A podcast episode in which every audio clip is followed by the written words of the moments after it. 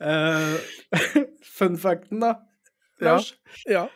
Ja, ja, ja, jeg har vært på internett, og så har jeg funnet ut eh, at Monacos hær De har bare 82 soldater.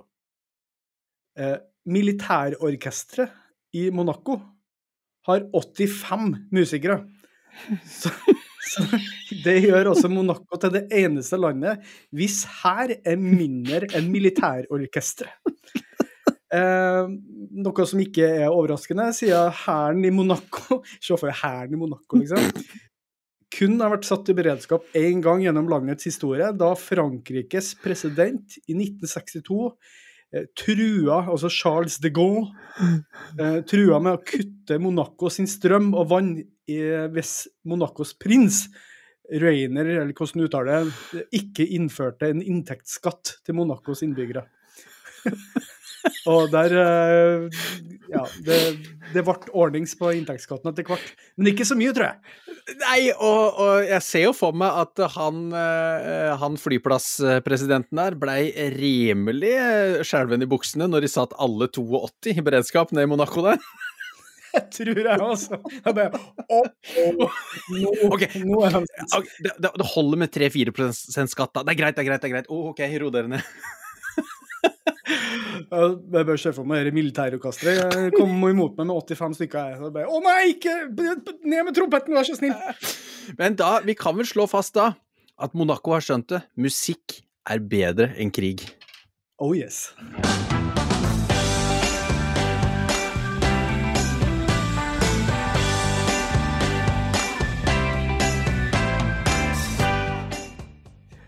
Oh yes!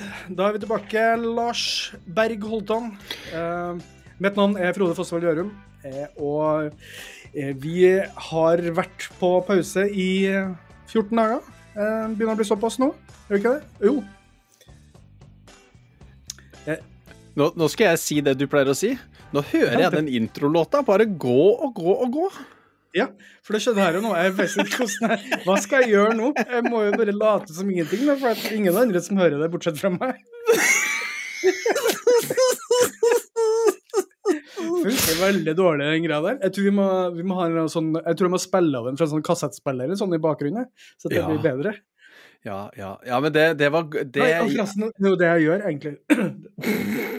dette, dette gir jo, som dere der ute skjønner, dette gir jo den dynamikken når vi er Ja. slags live, sjøl om det er, selv om det er podkast og du hører i opptak, så spiller vi din live, og da kan hva som helst skje. Når teknikeren har vært på det litt billige brevkurset på Teknikerskolen. For, for, for meg høres det ut som I dag begynte musikken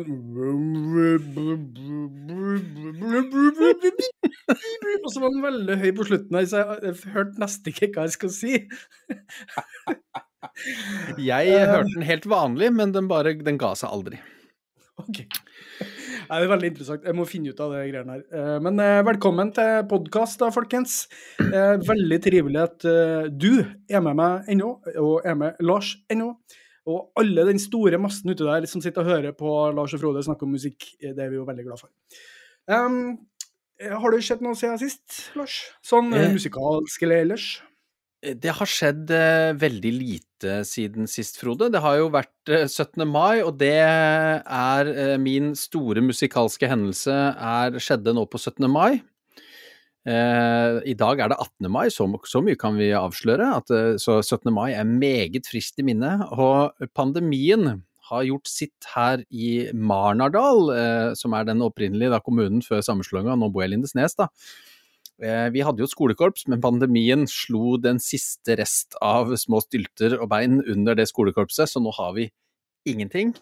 Dermed var for første gang i historien spilte korpset prikkfritt her på Øyslebø under både skolekorps og nasjonalsang alt i år, for i år var det bytta ut med en boomblaster på tilhengeren til en traktor. Så min, min musikalske opplevelse er altså at vi har bytta Vi har, vi har tatt uh, istedenfor buss for tog, som, uh, som NSB gjør, så har vi tatt boomblaster for korps, og det fungerte faktisk ypperlig.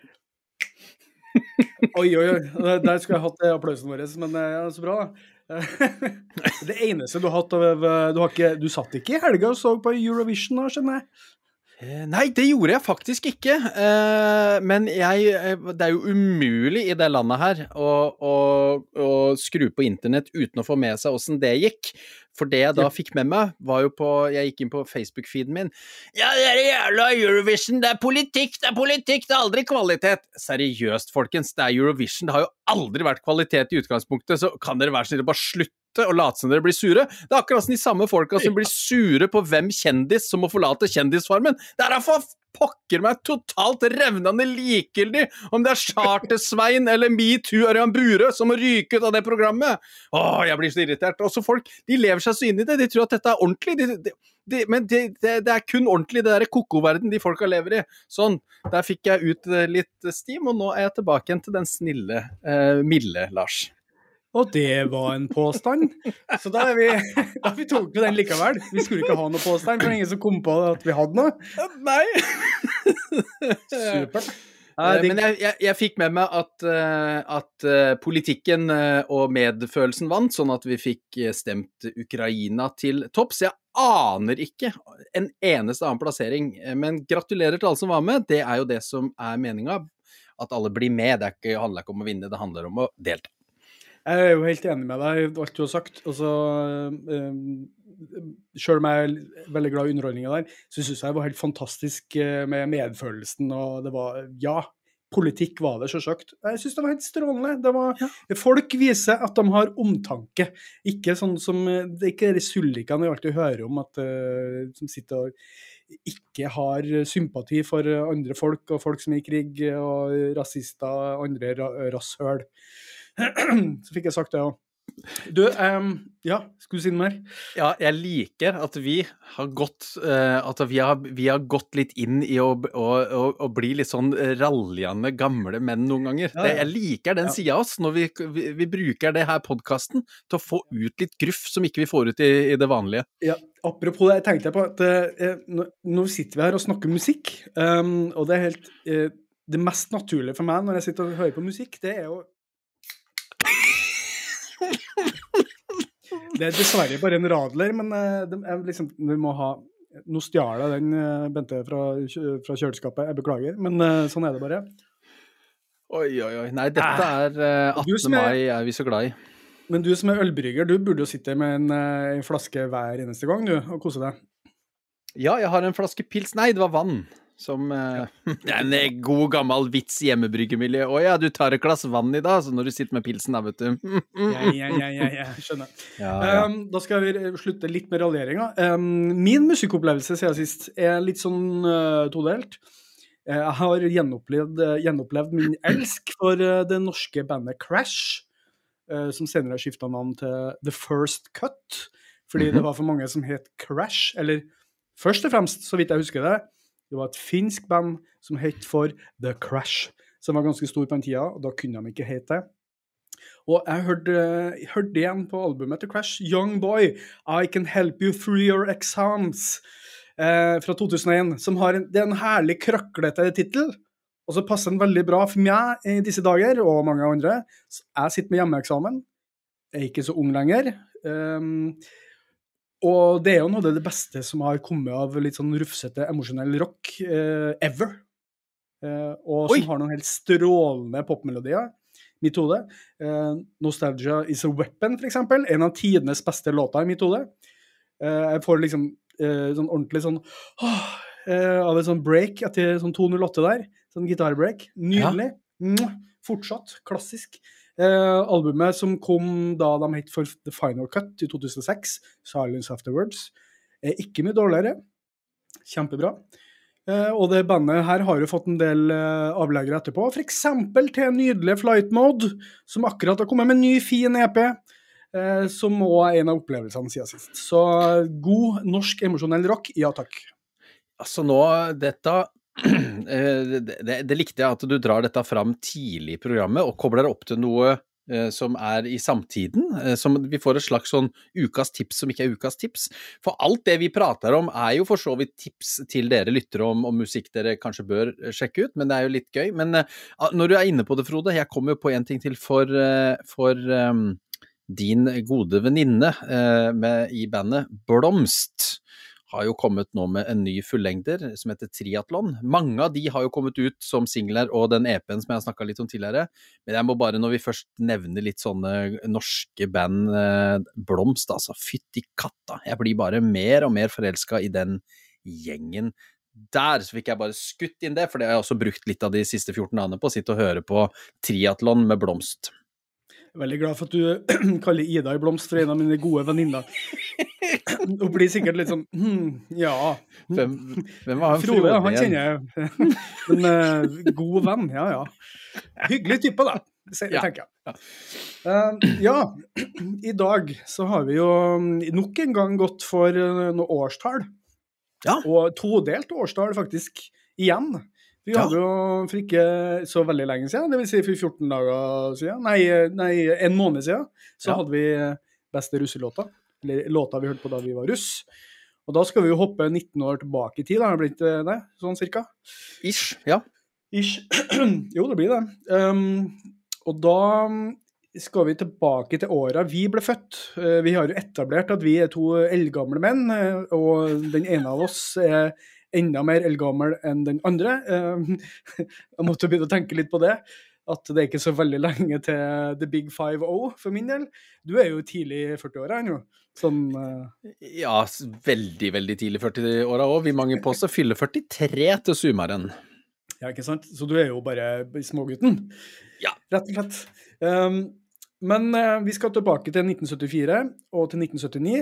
Vi skal ta for oss de beste låtene fra åra vi ble født. Og det var jo Det var en, for min del, takknemlig oppgave, for gud jæskla hvor bra musikk det var i 1974. Og fytte rakkeren hvor mye dårlig musikk det var i 1974 på den mest populære sida. Men rocken Fytte rakkeren, det var mye god rock! Det skal vi komme tilbake til. Eh, ja, og jeg eh, eh, har jo aldri helt gått tilbake igjen til fødeåret mitt for å høre på musikk. Jeg har liksom bevega meg litt nedover på 80-tallet, og så har jeg ikke, har ikke fått den der nostalgiatrippen. Og jeg har ikke noen foreldre, som jeg har sagt mange ganger, som har dratt meg helt tilbake. Så jeg har enten vært tilbake på 60-tallet, eller fra seint 80 og utover.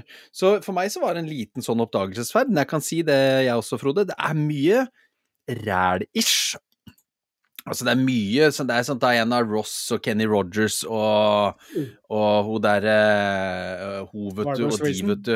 Barbara Strayson. Du visste hvem det var når jeg sa hun, vet du. Ikke yes. sant? Det er mye sånn. Men det er noen bautaer i musikkhistorien som er i det fulleste av det fulle vigør, og det skal vi høre mer om etterpå. Ja, Nydelig. Um, vi må jo, som jeg sa, så var det en del ræl, men jeg tenkte vi, vi må jo liksom ta for oss hva var det som var på topp den uka vi ble født i Norge, da? Eh, også, jeg kan ta 1974 først, da. Um, det var jo veldig interessant, fordi fordi at den uka finnes ikke på VG-lista. Min, da, det Uke 1 1974 finnes ikke på VG-lista. Du har uke 51 1973, og så hopper du til uke 2 1974. Eh, så jeg tok en råsjanse, da. Så går jeg for uh, uke 51 1973. Så satser vi på at det ikke sånn, skjedde så veldig mye på de to ukene eh, inni der. uh, på førsteplass den siste uka i desember 1973 så lå 'Barn av regnbuen' med Lillebjørn Nilsen på nummer én. Ja. Den kjenner vi jo. jo. Den kjenner vi. Den er jo fin, den, på sett vis. Og så har du med Rolling Stones. Ja. Og så har du Knocking on Heaven's Door med Bob Dylan. Ja, Dylan, ja. Uh, og så har du jo Mary Xmas Everybody med Slade. Uh, den syns ja. jeg er kjempefin. Um, du har blå, ball, du har Ballroom Blitz med Sweet. og du har Photograph med Ringo Starr. Så har du selvsagt en sånn norsk låt oppi det hele. Benny Borg med legenden, legenden om Metzgar. Aldri hørt om. Og ikke, så var ikke, det var ikke Morgan Kane engang, det var rett og slett uh, Metzgar. Yes. Og så har du nå Albert Hammond, som er inne med to låter, The Peacemaker og The Free Electric Band. Jeg og Susi Quatro. Ja, jeg mistenker da dog at den Xmas-låta der nok røyk ut innen uke én og to, for det er vel sånn typisk uke 51 inn mot jul, sånn som, sånn som vi alle har fulgt med jul etter jul på Love Actually. Dette The Race for the Christmas Title-låt. Eh, yes, yes, yes. Det tror, jeg, det tror jeg du har rett i, så vi kan jo sikkert luke ut at den var sånn høyt oppe i hvert fall. Ja, men alltid noen litt, noen litt trege som fikk den på postordrebestillinga litt seint, sånn at den telte da inn på, på uke to. Ja. Og så, da, i uke 33, 1979, da du ble født på VG-lista På toppen så ligger det en låt som jeg ikke vet hva er for noe. Det er en kar som heter Patrick Hernandez med 'Born to Be Alive'. Original Mix 1979. Det er sikkert en diskolåt. Fordi, ja. Lars, her er det så mye disko. Det er så mye disko! Neste låt er Anita Ward med 'Ring my bell, ring my bell'. Men så kommer jo Bobby Brown Goes Down med Frank Zappa. Oh, yeah, yeah, yeah, yeah, Den er i utgangspunktet en ganske kul låt, men så innmari ihjelspilt at jeg har den helt oppi ganestaket. Ja, ligger og presser, ligger og presser ja. litt på den, den derre muskelen som gjør at du ja. Uh, og så kommer jo litt mer disko. Vi har Hot Stuff med Donna Summer. Vi har ja. Elute med Gotta Go uh, Home med Boney M. Vi har I Will Survive med Gloria Gaynor. Vi har Boogie Wonderland med Earth, Wind and Fire. Uh, og så kommer det noe som heter Pop Music Nicolonai med M. Og så har du Hallelujah med Milk and Honey, og så har du Blondie med Sunday ja! Girl. Blondie, vet du.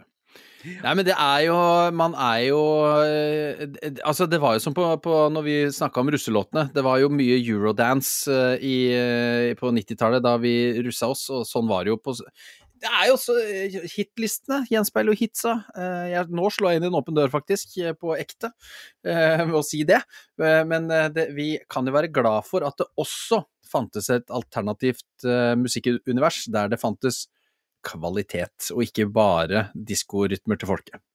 Ja, eh, og jeg kan jo si at uh, når jeg kikka litt på 1974, så gikk jeg først inn på sånn uh, på Spotify, så gikk jeg på sånn Billboard, uh, Biggest Hits of 1974. Og Jesus Christ, det var mye dårlig. Det var jo, det var jo mye, mye, sånn kjente låter, liksom, som du Cats in the Cradle og diverse sånne ting.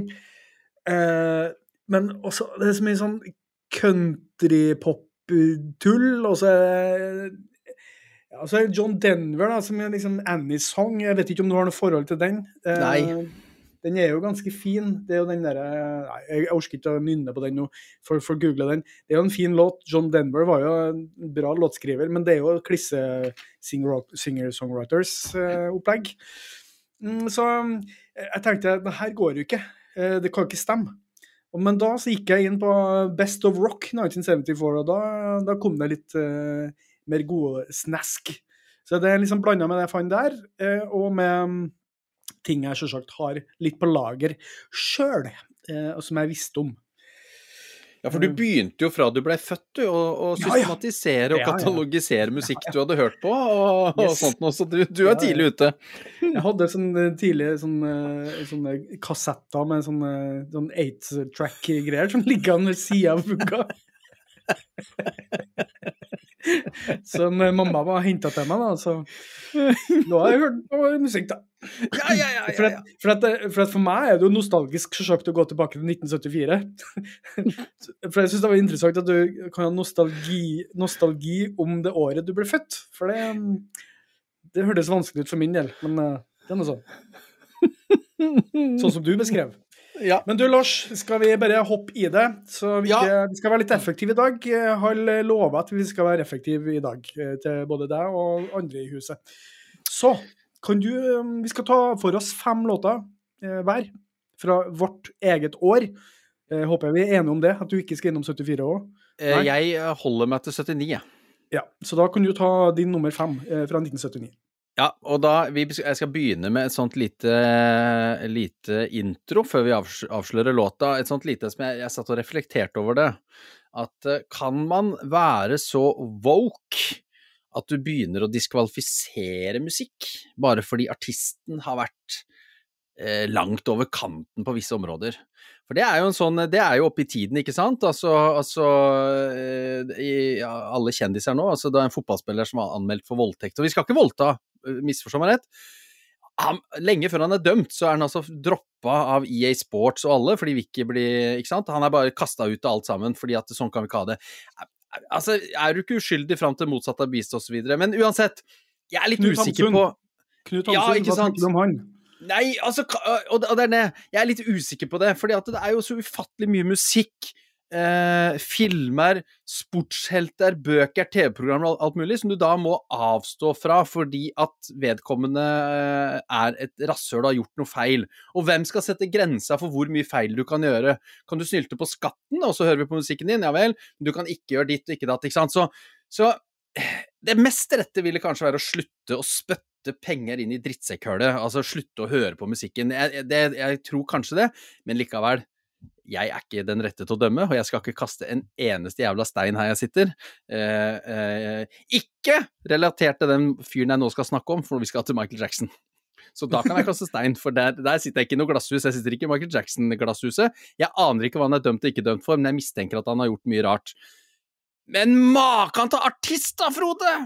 Ja. Makan til artist! Og når vi nå har snakka disko nord og ned, så er det vel ingenting som er bedre enn å kline til med Don't Stop Till You Get Enough fra Off The Wall-albumet, som er så gladdisko at det er umulig å sitte stille. Og, du- ja, ja, ja. Du, Altså kan si hva du vil, altså, men den derre innsmigrende stemmen og det derre funky diskoarrangementene Hoftene går jo ut av ledd, til og med på meg. Altså, og her trenger jeg ikke engang å ha noe øl innabords for å begynne å danse litt sånn tullete rundt i huset. Dette er altså Det er så høy kvalitet. Og, og, og, og den derre Michael Jackson, irriterende dyktig, best i klassen, hit på hit på hit på hit på hit. I hvert fall tilbake på denne tida, før han blei kanskje i overkant pompøs eh, og kanskje vel mye hvit på slutten. Altså når han fortsatt eh, hadde de diskorytmene sine. Men som jeg har skrevet, eh, jeg hører på det, så er det litt som å begynne å runke etter et bilde av nær familie. Det er godt, men etterpå så er det veldig skamfullt. Så jeg, jeg sitter og og, og, og sliter litt med å høre på den, faktisk. Eh, men jeg er ikke den til å dømme, så jeg velger å dra den med, for det er så jæklig bra. Det er så bra. Det er så bra. Og igjen, da, du nevnte det før vi starta, og jeg fikk lættis av det du sa nå. For jeg, min tanke går til hvorfor sitter du der og gjør det til et bilde av din nære familie? Det jo sagt, det er privat. Det er privat. Det skal ikke Men uh, du har helt rett. Uh, altså, Michael Jackson, ingen over, ingen ved sida, uh, artistmessig. Det, det er jo ikke mulig. Det er ofte Wall-plata, ikke sant? Ofte. 1979. Ja. What's, what's white and running off the wall? Michael Jacksons latest release. Nei, nei, nei! Nei, nei, nei, nei, nei, nei, er en god Office-vits. Her podkasten begynner, å bevege seg inn et område som jeg ikke er helt fan av, merker jeg. Ja, unnskyld. Altså, apropos eh, eldre menn som begynner å bare sånn underbuksegreier. Ah. Vi eh, inn. Vi får stemme på Facebook. Skal vi gå i den retningen her? Skal vi gå litt Og det er, stort sett, det er stort sett meg. Jeg beklager på det sterkeste. Jeg klarer ikke å holde det inni meg mer. Det er vel eh, 100 deg, ja. ja. Det er det. Nei, men eh, altså Michael Jackson, da. Eh, den låta er fantastisk. Jeg elsker den låta. Og alt, alt det Michael Jackson har gjort, sånn av de store greiene det, så, Du kan jo ikke benekte det, sjø- samme hvor lei du er av det. Altså, det er jo så stor kunst.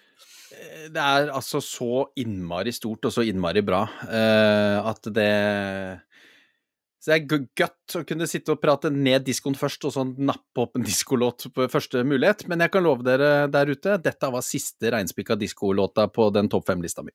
Men ikke sant? Det er jo Motown, den største artisten fra Motown opprinnelig, vel, med, med Mm. The Jackson 5, som bare ja, eh, Nå tar vi det beste derfra, eh, putter det inn i diskoen. Smack. Sånn kan det gjøres. Ikke sånn som Kiss, som tenkte hm, det diskogreiene, det må vi melke litt. Eh, og så får vi litt sånn, eh, kjøre litt sånn diskolåtopplegg. Jeg jeg gidder ikke nevne låta engang.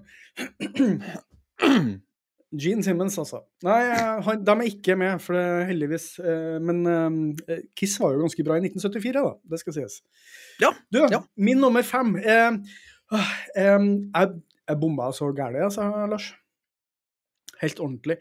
For jeg, jeg begynte jo på med nummer fem, eh, og det Min opprinnelige nummer fem var Bad Company med Can't Get Enough, eller Can't Get Enough. Med en av de beste rockevokalistene ever, eh, Paul Rogers, som jo sang i Free, It's All Right Now, eller All Right Now. Um, ordentlig supergruppe der, ikke sant? Eh, Jeg syns den låta er fantastisk. Sjelfullt, rått, eh, tøft, eh, sexy. Altså, Paul Rogers han synger jo det jeg sa nå. Rått, sjelfullt, sexy. Chris Cornell må jo ha studert alt ved Paul Rogers. Helt ned i støvlettene, er jeg sikker på. Men så kom jeg, kom jeg over Eller jeg visste at den skulle jo på lista, men så skjønte jeg at den låta her må jo bli nummer fem. Og det er Backman Turner Overdrive med You Ain't Seen Nothing Yet. Fordi jeg har digga den låta i nøyaktig 30 år. Helt siden jeg kjøpte en sånn superbillig CD-samler på eh, bensinstasjonen, eh, som ble kalt eh, Solid Metal Box Rock Power. og første låt på den eh, samlingen, det var to CD-er. Første låta var Rush og Spirit of Radio. Kanskje min favorittlåt gjennom alle tider. Altså, den er fantastisk. Eh, Rockelåt med reggae-break inni. Eh, ja, nydelig. Så kom You Ain't Seen Nothing Yet med Backman Turner Overdrive. Og så, nummer neste spor, Come On Eileen. Eh, The Final Countdown, Living After Midnight, Judas Priest, Pretty in Pink, Paranoid, Back Out of Hell med Meatloaf, osv., osv. Det var altså så mye rockehistorie eh, fordelt to, på to plater der. Og den låta der, da, eh, You Ain't Seen Nothing Yet, var en av de mer ukjente låtene for min del eh, da. Men den sitter jo fast ennå. Eh, for den er så oppløftende og humørfylt. Eh, ikke minst kanskje fordi vokalisten på en måte stammer litt når han synger deler av refrenget. Noe som selvsagt ikke er morsomt i seg sjøl, i hvert fall ikke i dag. Men i en låt som det der, så blir det så skjevt og rart med tempoet, så det er nesten umulig å synge med på det. Eh, selv om det er ganske enkelt refreng. Så jeg blir så glad av den låta. Det er jo en hardrock-standard, eh, spesielt i USA kanskje. Og den er med her fordi den altså Jeg, jeg satte den som nummer fem fordi den har så utrolig mange minner om annen god musikk som jeg hørte på på den tida der. Uh, så det er jo liksom sånn nostalgitripp, det her òg. Det må jeg jo kunne si. Men det er en kjempelåt. Uh, og um, vi satt jo, jeg, jeg sendte jo en låt til deg av Backman Turner Overdrive som Yes. heter for Not Fragile, som er, som er tittelsporet fra Not Fragile-albumet, som den låta her, og så You Ain't Seen Nothing Yet, eh, eh, er ifra. Eh, åpningssporet. Fantastisk groovy, skitten rock. Eh, og du, du hadde et veldig godt poeng eh, på hva det ligna på. Eh, Fortell meg hva det var. Det var clutch. Altså, altså og, og, og den er så innmari lik den låta. Hva var det, hva var det den hette for noe igjen? Jeg glemmer jo alt sånt, Frode. Altså, Jo, jeg blei helt sånn Fy fela, dette er jo Altså, Clutch har jo ikke Altså, Clutch det er jo, for de som ikke har hørt det, det er et moderne rockeband med, med litt blues og, og veldig sånne fengende rytmer i seg. Men de kan ikke si at de er influerte, de kan si vi kopierer eh, det som skjedde i 1974. For det der var, det var skremmende likt. Skremmende likt. Og, og, og det er Men det, det er jo bare altså Når noe er så bra som, som dette, Frode, så kan det bare la seg kopiere fordi at det tåler gjenbruk. Er det lov å si det på den måten? Ja, ja, ja. Eh, eh, Big News One eh, var det du beskrev. Det var det. eh, Fra, det, var fra 1995. Eh, Ja. Jeg var faktisk ikke klar over at Clutch har holdt på så lenge med å gi ut musikk, men det har de jo. da. Eh, Men den låta, kjempemessig. Eh, De eh, andre kjente låta er Roll On Down the Highway. eh, Taking Care of Business kjenner jo alle til. Taking Care of Business! Første låta deres. Um, Backman Turner Overdrive var jo et, en avart fra The Guess Who, som var et, et Ikke The Who, men The Guess Who, som var litt, kanskje litt mer sånn poppa-band før det, men rocka poppa-lån. Uh, og så har jeg en fun fact om uh, bandet. Eh, sønnen til Randy Backman, altså i Backman uh, Turner Overdrive, eh, Tal Backman, er han som skrev og hadde en hit med She's a High i 1999. Låta Kurt Nilsen fikk utlevert til å synge etter han vant Ja. Idol i 2003, og som ble Norges mest solgte singel ever, med 80 000 solgte. eh, den gangen, i hvert fall. Ja, ja, ja, ja. She's a flesh and bones. Same friend, there and found. Det er tider, altså. Nei, da har vi det i boks. Skal si, eh, du er jo et oppkomme Du er jo et leksikon i Eller leksika, jeg har aldri skjønt når man skal bruke hva, men i den musikkhistorien, eh, Frode, så deg må vi Du, skulle nesten skrevet eh, litt, kanskje for Panorama eller noe, det hadde passa deg veldig godt. Passer bra vi har skrevet det her, for jeg klarer å huske det, selvsagt. For det er jo ikke mulig. Men Det artig kan man finne på internett, Lars. Ja, det, er nettopp det, og da kan jo jeg avsløre hvor lite jeg har brukt internett, da, for nå skal jeg bare si på min nummer fire, Frode jeg, jeg sier det bare så enkelt. Det er 'Message in a Bottle' med The Police.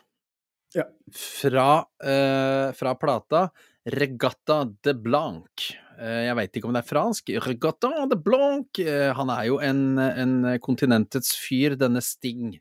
Men uansett, for jeg er overfladisk fan av Sting. Eh, og, og da, da også The Police-delen av hans karriere. Overfladisk mener jeg at eh, jeg hører på Best of-plata. Jeg setter på mest populære låter på strømmetjenesten min. Eh, hvis, jeg, hvis jeg setter den på, det er sagt. Men jeg har hatt For mange, mange mange år siden hadde jeg en kjæreste som var veldig glad i dette, så hørte jeg mye på det, og det går jo ikke an å ikke like Sting og, og The Police, syns jeg, da. Det går ikke an. Og, og Message in a Bottle er jo er, jeg syns den svinger jo utrolig mye. Som veldig mye av det Sting driver med, gjør. Det er veldig sving. Men det er noe veldig sånn dynamisk i det tempoet. Jeg skal ikke kalle det prog, det er jo det, det blir jo som, det, det roer seg i refrenget. Og så, øker den litt i, i, i verset, og så har den en sånn veldig fin rytme og driv som gjør at jeg blir sittende og tenke dette er jo feiende, fengende flott, og et meget godt stykke arbeid. Og jeg syns faktisk, nå er det lenge siden jeg har hørt på Sting sist, jeg har aldri tenkt på hvor god han egentlig er til å synge. Altså hvor, hvor bra den stemmen er. Hvor, hvor flott han leverer eh, altså stemmen som et instrument oppå den musikken. Så det Jeg må si, altså. The Police, Mess- Message in a Bottle, som vel handler om eh, noe ensomhet, eh, hvis jeg forsto det rett, det er, eh, det er min nummer fire, rett og slett. For uten at jeg kan briljere så mye med historikk eller annet om verken The Police eller Sting. Eh, men alle kjenner jo til Sting. Det går ikke an å ha levd eh, fram til nå uten å få, ha fått med seg Sting. Gjør det vel det? Det tror jeg ikke. Eh, Da er du passe ikke følge med på det som skjer, ass. Ja. Eh, Sting var en sånn fyr når jeg var liten som jeg hadde veldig sansen for. Jeg husker den altså, The Police og hele altså, Every Breath You Take og sånne ting. Ja. Det, er jo, det er jo helt sykt gode låter som eh, foregikk der. Um, og så har jeg jo jeg har vært på, Det var ikke så lenge siden jeg var på Sting-konsert, faktisk. Eh? Litt sånn, eh, litt sånn fordi at ja, ja, det kan jo gjøre. Fordi eh, for er det tre eller fire år siden så var det hadde jo en sånn vitenskapsfestival her i, her i byen, og da spilte Sting ute der, og så fikk vi noen billetter, vann og billetter via arbeidsgiver, ikke sant. Og så var det, det var, det var Sting, og så var det hun derre um, Luca-dama, hun derre My name is Luca. Susann Vega. Ja. Som jeg ikke så, for jeg, jeg bare hørte, for jeg satt og drakk pils. um, Ja, og til. klassisk fått noen billetter gjennom jobben-opplegg. Sitte og drikke pils bakerst og skravler. Det var bakerst og oppå et tak, eh, så det, det hørtes ikke så godt at vi satt der og skravla. Men eh, gikk ut og så på Sting, og det var jo kjempebra og alt sånt. Men det som slår meg alltid med Sting, er at um, kvaliteten er så høy, men det blir fort veldig kjedelig. Ja, for han er Jeg ser for meg det, at det, spesielt live, da. Det er så flinkis at det blir så, så bra at det blir dølt. Jeg kan se for meg at det bikker over, liksom. Ja, og han er jo litt sånn eh, av natur, syns jeg, at han er veldig flinkis. At eh, han er veldig opptatt av å, at det skal være ordentlig sånn skikkelig bra, og da mister det litt nerve, men så kan det plutselig vippe over til å bli helt sånn sykt bra. Så det er Ja. litt sånn eh, Det er litt sånn Du skal dra en drøy sammenligning, men litt sånn Motorpsycho. Hvis du ser Motorpsycho live, det kan være dørgende kjedelig, så kan det være helt magisk. Fordi at eh, de plutselig blir treffa med en nerve som er helt sjuk.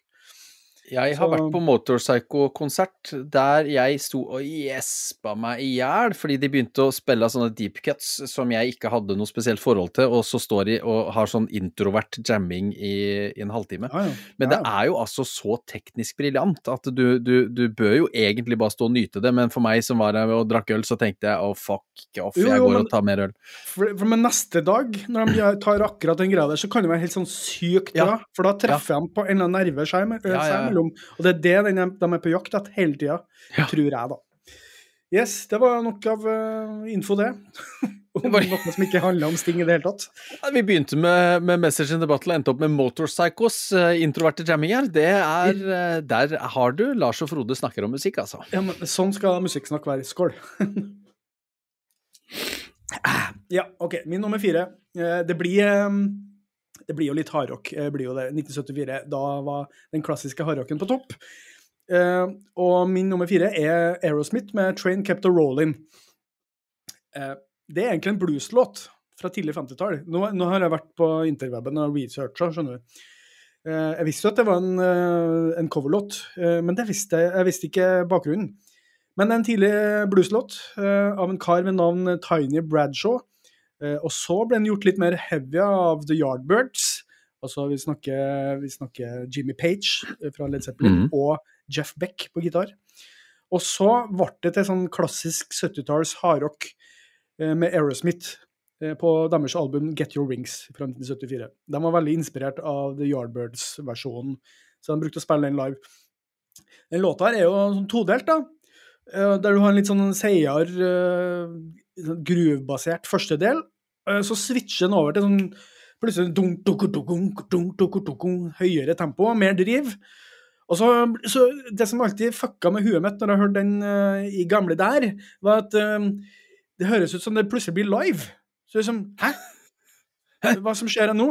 Uh, og, og, det har jeg akkurat da på interweben lært. At den publikumslyden du får, da, og det, de høres ut som står på scenen sånn, det ble miksa inn. Og er faktisk fra The Concert for Bangladesh fra 1971, altså George Harrison-veldedighetskonserten. Er det sant? Ja. Helt sånn random. eh, Det var vel tilgjengelig, da, sikkert. Jeg vet ikke. Eh, Så, men det, det er en fantastisk kul hardrocklåt. Eh, det, det er jo Hvis du ser for deg Aerosmith, så tenker folk i dag på de balladene fra, fra 90-tallet, ikke sant? Ja. Som, som er jo er så langt ifra det som Aerosmith var, som det er mulig å komme. Men det er klart, der lager pengene, da. Jeg skjønner det. Jeg skjønner det godt. Den derre Eh. sviska, den derre til den filmen.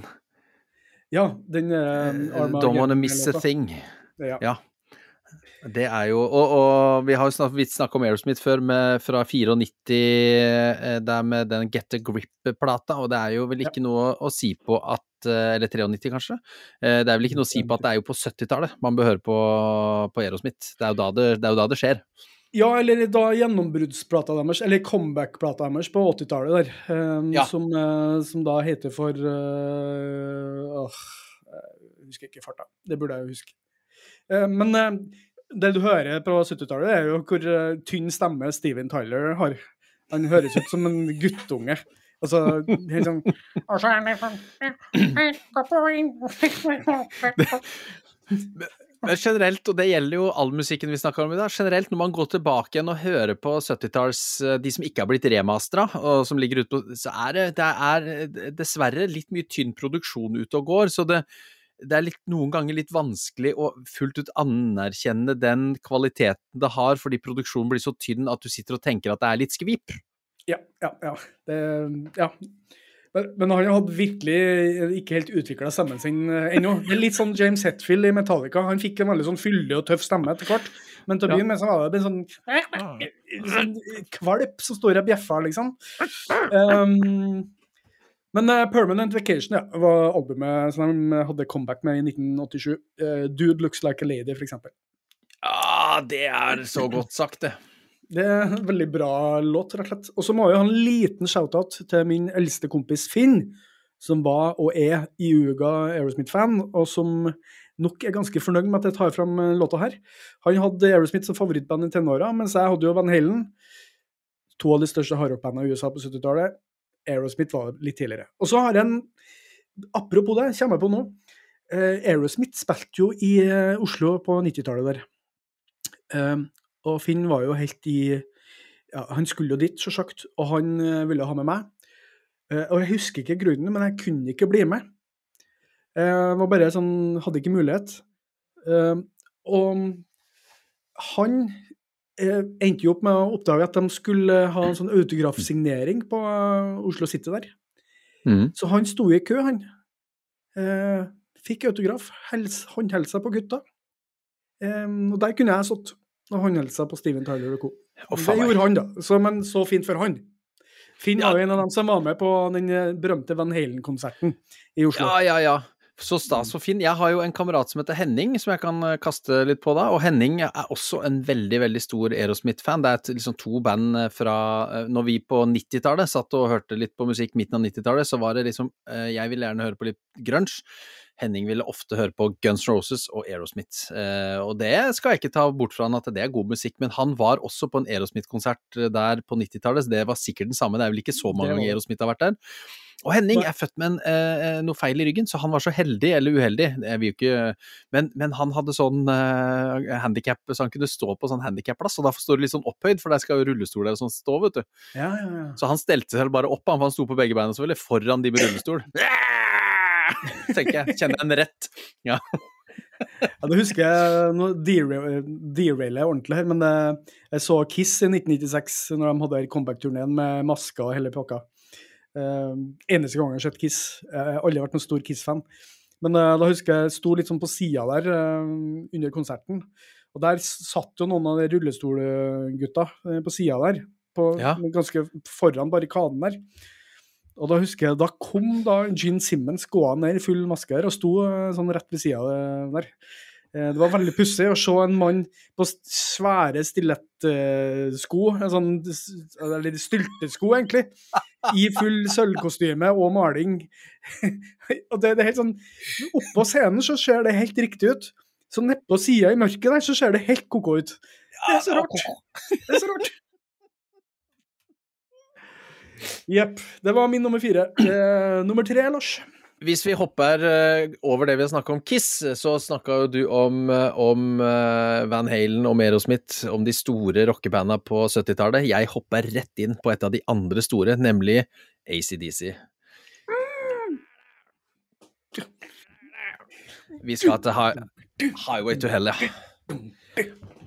Det er jo ikke til å komme unna at, at du, Frode, er jo en betraktelig større ACDC-fan enn det jeg er.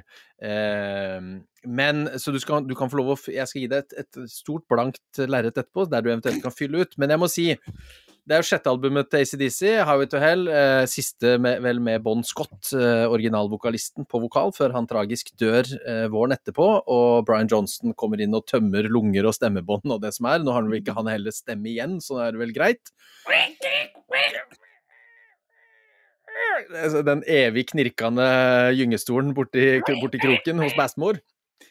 Helt Men- umulig å synge Brian Johnson-låta. Det er helt umulig. Ja, det, det går jo ikke. Og Bon Scott er jo Jeg skal ikke ikke, jeg skal overhodet ikke ta standpunkt i den evige diskusjonen hos ACDC-fans hvem som er best, men jeg må jo si Bon Scott synger jo fryktelig greit på, på det materialet han synger på, uten å ta stilling til om det er bedre eller dårligere. Highway to Hell, da. Klass, altså Det er jo så klassisk, og den løftes vel også opp av, av fansen, eh, som er betydelig tyngre fans enn meg, som sikkert topp ti-låt fra den kanten, for det er altså en ekte god Og vi har snakka om det før. Det er en ekte god låt uansett, men det er altså det å sette en standard for et album. Altså, dette er jo den bortimot perfekte albumåpneren. Altså, det, det å OK, ACDC har kommet med noe nytt, hva kan det være for noe? Legge den i CD-spilleren eller LP-plata eh, du hadde på den tida, eller kassettspilleren, yep. eh, og sette på dette. Ja. Altså Luftgitaren begynner jo å josse der eh, etter fire og et halvt sekund. Så kommer trommene inn. Og så er det bare fullt øs pøs. Men så er det det som slo meg, for jeg, hadde, jeg har alltid tenkt at den går litt fortere. Men den går jo ikke spesielt fort. Likevel så er det totalt rock.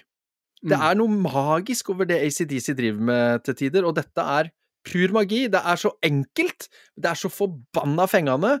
eh, Det er så utrolig hardt, men likevel servert på en sånn måte at er, jeg tror det er spiselig for mange flere enn den derre eh, svartkledde, langhåra rockegjengen.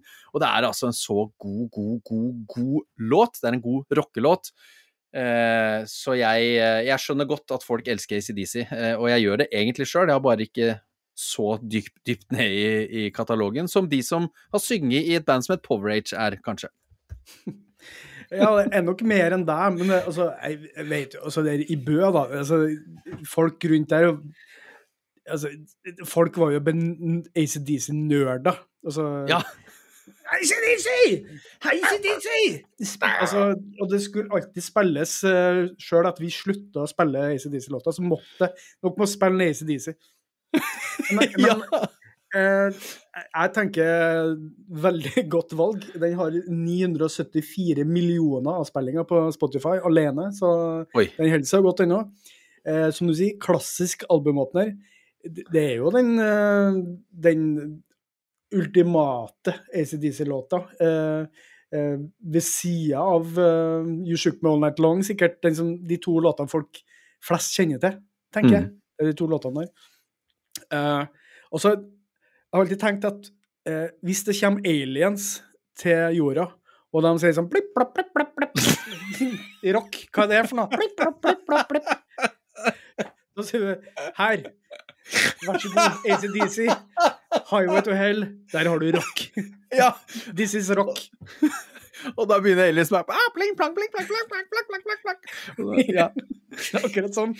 For det, det, det er essensen av det som er rock'n'roll. Men har Eh, ikke, vi, har ikke vi mennesker Vi har sendt noe sonde ut med noen tegninger av oss sjøl og noen lyder og noe sånt. Nå sendte vi Highway to Hell ut i verdensrommet, eller? Sånn at de, det er det de får? Det er mulig at eh, de gjorde det. Jeg Ser ikke bort fra det. Jeg Ja. ser ikke bort fra det. Um, det jeg tør ikke snakke masse om ACDC, for alle kjenner ACDC og skjønner hva jeg mener og hva vi snakker om. Men eh, altså, det er som du sier, så enkelt, eh, så vanskelig. Fordi at det handler Ja. om musikaliteten. Det handler om låtskrivinga. Det handler om forståelsen av sin egen musikk. Hva det her er for noe. Altså, Hva er essensen vår? Derfor har de heller ikke forandra seg så mye. For at de, de, de kjenner seg sjøl så godt at de trenger ikke gå bort Ja, fra ja. det. Og jeg er helt enig i Bon Scott. Eh, fantastisk med Brian Johnson. Eh, han er en karakter i seg sjøl. Men eh, altså Bon Scott han var jo noe eget. Hvis du ser gamle liveklipp fra han Den fyren der, altså. Han er sånn som du hører. Han er liksom oppi trynet ditt. Han er liksom Han var jo en rabagast av en fyr. Og det hører du. Tenk hvor gøy å ha vært på, på Tenk hvor gøy å ha vært på konsert med de før de ble store, da. På klubbkonsert med ACDC, med han oppi trynet ditt. Nede i Australia der. På en Ja. sånn, uh... Hei, mate! Nei, mate! Og så bare får du noen øl i nebbet, og så har du Bon Scott i trynet, og så et sånn derre Hey, it's a young locals, lads! Hey, hey, hey! Og så, så er det ACDC. Dryla ned, dryla ned han fyren som ikke liker hvordan du ser på bandet. Ja, akkurat sånn. Nei, strålende valg. Strålende valg. Takk. Jeg tror ikke du hadde noe valg, jeg, egentlig. Sånn sett. Nei, det, altså, altså, det jeg kan ta Altså, spørsmålet var om den burde høyere, men, eh, men det forteller litt om kvaliteten på det som kommer over. Det at den faktisk ikke kommer høyere. Ok, men da skal jeg ta noe som går i en helt annen retning, faktisk. Uh, vi skal over til en sånn sofistikert uh, jazz-rock-pop uh, i stilig Dan. Og Ricky Don't Lose That Number. Uh, den mest kjente, og kanskje beste låta, fra verdens rareste popduo, med suksess, da. I hvert fall. Steely Dan. Steely Dan er bare rar. Walter Becker og Tonald Fagan to perfeksjonister fra en annen verden. De er litt sånn aliens, føler jeg. Uh, de blander rock og jazz og jazz, uh, jazz fusion og funk og R&B og pop og hele greia. Og eh, jeg fikk sånn Jeg gjenkjente den Eller jeg kom til Jeg visste ikke at den låta her var dem før ganske langt ut på 90-tallet, tror jeg. For den har jeg alltid hørt sånn på radioen og sånt, og refrenget er så kjent. Um, og når jeg begynte å høre på Stille Dan, og det er jo veldig kul musikk, egentlig. Det er så, og det er så utrolig god lyd på alt de gjør. Og der kommer det her med perfeksjonisme inn, da. Uh, og det er egentlig ingenting som stemmer med at den, der, den rare låta her skal altså, Den har sånn krika og kroker at den skal være så bra og så nynnbar, for den starter litt rart, og det er sånne Jeg kan ikke alle de musikalske begrepene på hva de gjør for noe, men eh, liksom, det går i sånne veier som det ikke skal gå da, på en poplåt. Men den er jo kjempebra, takket være det geniale refrenget. En sånn deilig bassuk. Og så den klassiske drivet der eh, de alltid hadde på låtene sine. Litt sånn funky opplegg. Uh, så jeg skjønner ikke at de ble så populære som de ble. Det, det er 70-tallet for deg. Hurra, musikk! Altså, sånn rart band kan bli et svært band. Det syns jeg er fantastisk. Det er jo veldig 70-tallssound, da, det skal sies. Men ikke sånn at det høres datert ut. Uh, og det her er jo fra um, mesterverket deres, Pretzel Logic, fra 1974, sjølsagt. Fun fact. Chevy Chase spilte trommer sammen med gutta her i et tidligere band de. Selveste bra, Chevy det, er, det er bra fun fact. Jeg må jo si, Steely Dan har jeg jo selvfølgelig dunka borti noen ganger. Eh, kanskje aldri helt anerkjent briljansen, for det er, jo, det er jo som veldig mye annen musikk. Det gir meg jo ingen usmak i munnen å høre på, tvert imot, det gir meg mye godsmak, men så har jeg aldri kommet meg helt inn under huden på det, hvis du skjønner. Men, eh, men jeg, eh, akkurat faktisk den plata der har jeg, har jeg snusa litt borti, og jeg er eh, enig med at det er et godt valg. Og det er noe quirky og rart der, og så, og så, og så er det altså så skammelig flott uh, pop at du, du er jo bare nødt til å sitte og kose deg. Ja. Det er en sånn koselåt. Sånn, eh, og den, den, den blir ikke dårligere. Eh, Den bare holder et sånn stabilt, godt nivå eh, så mange år senere. Altså, den er 48 år, folkens. Ja, og, og det er jo det vi, vi har snakka om noen ganger, det. Altså den derre eh, Hvor mange ganger kan du vaske en T-skjorte før, eh, før farven eh, går av? Det er jo tegn på kvalitet. Og sånn er det jo med musikk òg, hvor kan du liksom kan bare gå og gå. Og det, når det er 48 år gammelt, og det låter fortsatt eh, bra, og den er ikke utvaska, nei, det er godt tegn. Det er godt tegn. Ja, det er mm, rett og slett en god låt, vil jeg si. Jeg, jeg skulle gjerne nynna det og sunget den sangen for dere òg, men det ble litt mye nynning i dag, så jeg tenker vi bare går videre. Lars.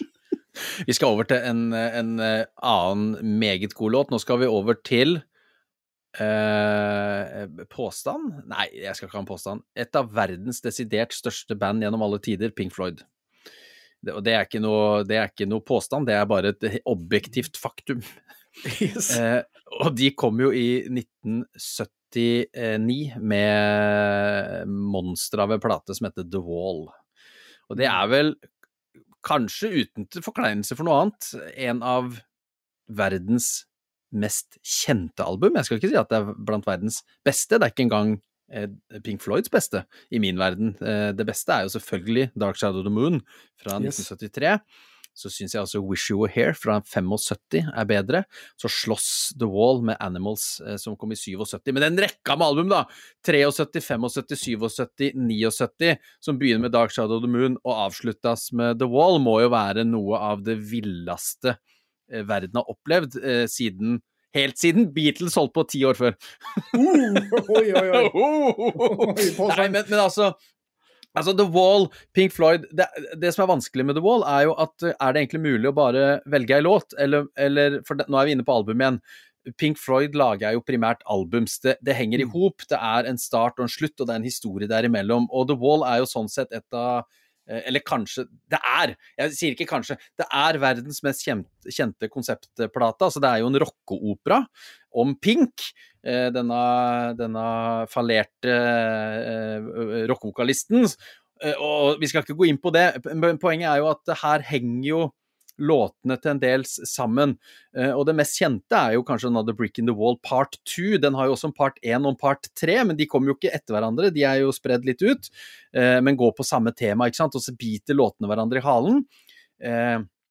Så er det jo to, det er vel to låter som sånn sett står aleine, og den ene har jeg tatt her. Det er 'Comfortly Numb Mm. som er min favoritt eh, fra dette albumet. Den, den slåss veldig med Hey You, som jeg også syns er et fabelaktig stykke musikk. eh, og Mother, som jeg syns er altså så nydelig, som er det vel den andre låta som ikke, ikke henger på den forrige og går over i den neste. Og så er jo også Is There Anybody Out There fantastisk. Men nå skal vi snakke om Comfortly Numb, og den jeg tror kanskje at folk flest eh, tenker at hvis vi hører på, på, The Wall, hvis vi ser bort fra Another Brick in the Wall, så er det liksom Comfort in Numb som er, er, den objektivt sett kanskje aller beste låta. For det er en ganske rolig låt, litt sånn symfonisk. Eh, og her er vi jo inne i det som jeg tror kan, Det er mange folk som kan Pink Floyd mye bedre enn meg, men nå er jeg inne på det som jeg tror gjør Pink Floyd på 70-tallet så enormt bra. Det er jo den ekstreme gnisninga mellom David Gilmore og Roger Waters, som til slutt ender med at de bryter jo på, på starten av 80-tallet der. Men det er jo de to store egoene og musikalske geniene som sitter og kniver og holder på. Comfortly Numb er vel nevnt som en av de låtene der samarbeidet virkelig begynte å knake på. Så det ender jo med at Roger Waters synger i versa, David Gilmore synger i refrenga. De var uenige om den skulle ha den form for miks eller den form for miks. De var egentlig uenige om det aller meste, som de alltid var. De, når de brøt på 80-tallet, snakka de vel ikke sammen på 30 år, vel, og så fant de sammen igjen. Uansett, to sånne giganter eh, i samme band eh, som jeg tror gnisningene er med på å lage den briljante musikken de har klart å lage, til tross for uh, uenigheter. Og denne Comfortly Numb, litt rolige, fantastiske vokalene, men ikke minst, det er to gitarsoloer der av David Gilmore. Og David Gilmore, altså. Vi, er, vi har posta på Facebook-sida vår en gøyal liten meme av, av hun dattera som skal spille noe gitar. Altså, i, i den historien om gode gitarister, så fortjener den mannen eh, en plass oppe i et horn på veggen der. For han, han, er jo ikke klassisk altså Pink Floyd er jo ikke klassisk rock. Han er jo ikke den, den han, er jo ikke, han er jo ikke en Young eller en Slash eller noen Van Halen som, som på en måte Men, men han er det derre det der gitarspillet gjennom hele den derre Pink Floyd-katalogen. Han er litt sånn Mark Knopfler, på en måte. Ja, det er sånn samme greia. Det er så sjelfullt og så delikat Mm. og så det er så enormt, og når du ser det live, så blir det bare bedre og bedre. Den mannen er jo Han får den gitaren til å synge på en måte som veldig få andre gjør. Så Comfort in Numb er en del av et eh, jeg har ofte en del av mesterverket The Wall, og jeg har ofte snakka om når jeg snakker om musikk, så snakker jeg om eh, Du har de vanlige dødelige-banda, og så går jeg en etasje opp, og der finner jeg Pink Floyd, for de ligger der som en sånn noe, noe litt sånn overjordisk, hvis du skjønner. De driver med noe annet enn resten. Ikke alltid at det de gjør er mye bedre enn resten, men det er en sånn annen sfære, eller en annen Mm. planet, eller et eller annet de holder Mm. på med på sin, i sin ting. Blipp, blopp, blipp, blopp, blipp.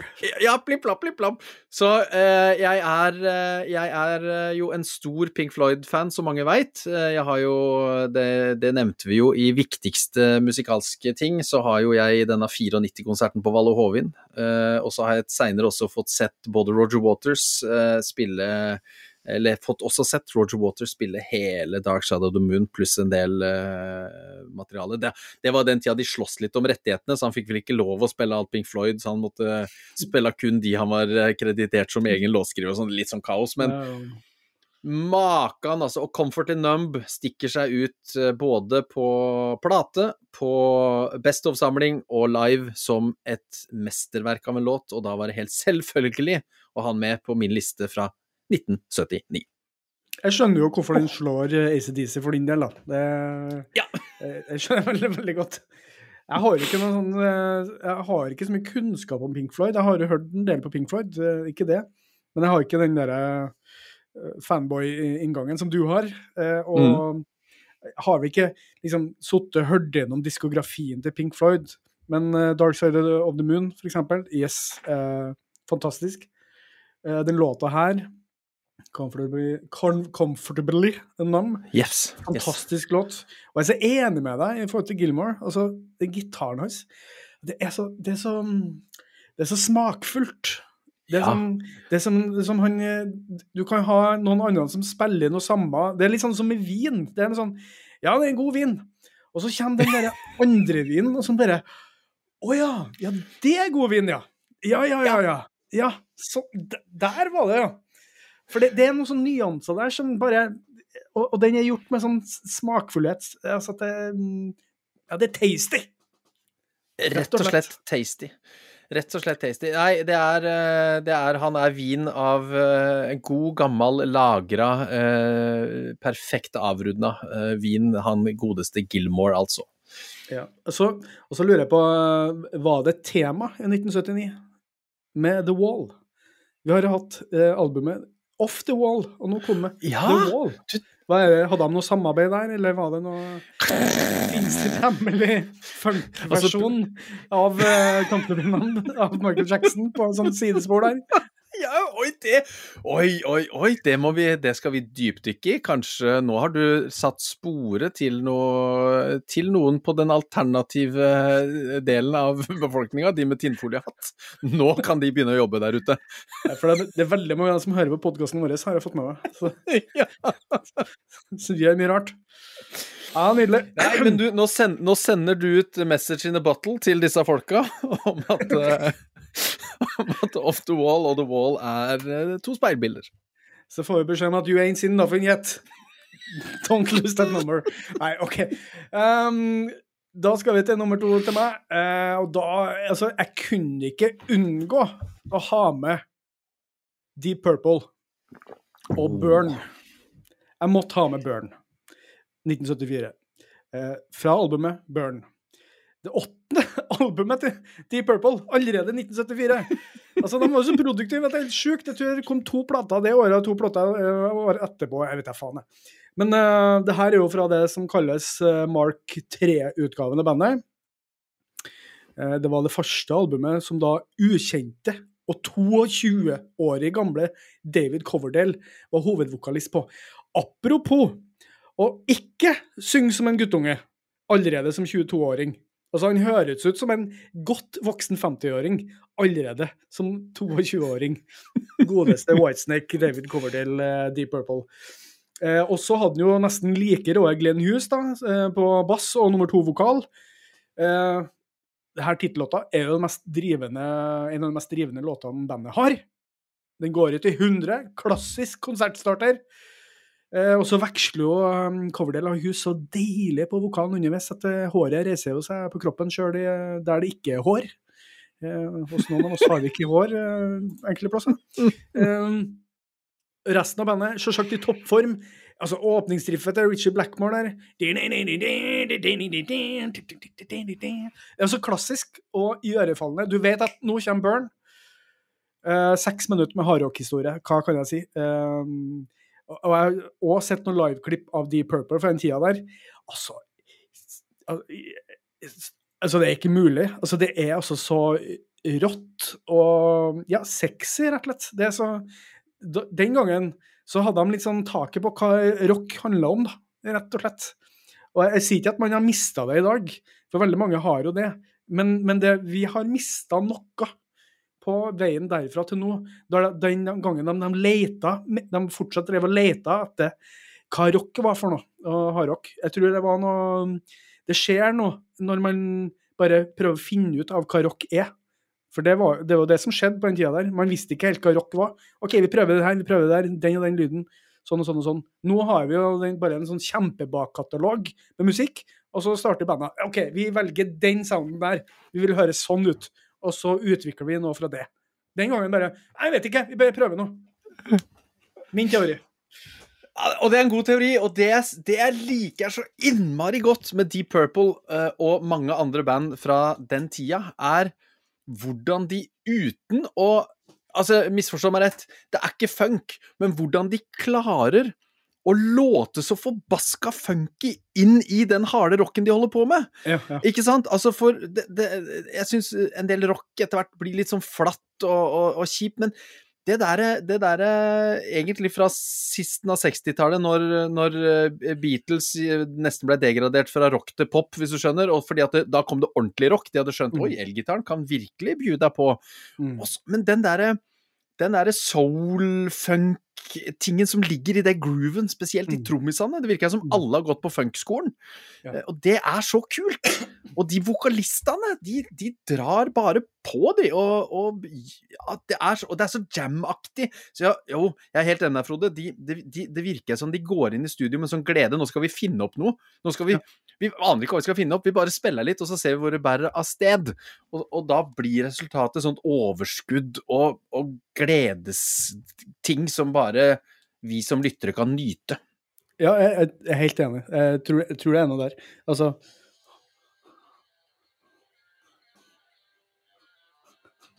Det er kjempebra radiopodkast. Så, nå kommer snart Tone og tar oss, når du skal Ja. sitte sånn Å nei, det var bare noe som sto på bakgrunnen. Det her må dere huske, det her er det nærmeste vi kommer av å kunne spille av musikk i podkasten her. Det er sånn sniken her og der. Er Ingen som kommer til å få det, med seg. Pst, ikke si det til Tono. Nei. Men jeg er glad for at du har med, uh, har med dette, for jeg har jo Dette har til og med jeg hørt litt på, og det er eh, Burn, som du sier. Det er en perfekt albumåpner, det er en perfekt, helt sikkert konsertåpner. Det er uh, en nydelig vokalist, det er trommer, og det er driv ut av ville skauen. Det er sånn rock skal være. Dette vil jo også uh, låte godt Det låter godt når du sitter hjemme. Det låter godt når du er eh, på eh, joggetur. Det låter veldig godt når du kjører i bilen. Du kjører bare litt fort, bare ørlite fort, men det låter godt overalt, det her, altså. Det låter godt øh, på fest. Eh, Og på fest, ikke minst. Yes. Åh. Din nummer én, vi må være effektive. Og da kommer den jeg hadde lyst til å snakke mest om. Men jeg trenger ikke å snakke så mye om det, for det er ikke så mye å si. Vi skal til Neil Young. Vi skal til albumet Rust Never Sleeps, som er et litt sånn rart album, som er en sånn blanding av liveopptak og, og to nye låter. Og de to nye låtene som er på den eh, plata, det er jo Uh, og jeg tar med begge to. My My Hey Hey Out of the Blue og Hey Hey My My Into the Black. Disse Ja. tvillinglåtene som pakker inn albumet. Altså, den starter med My My Hey Hey og avslutter med Hey Hey My My.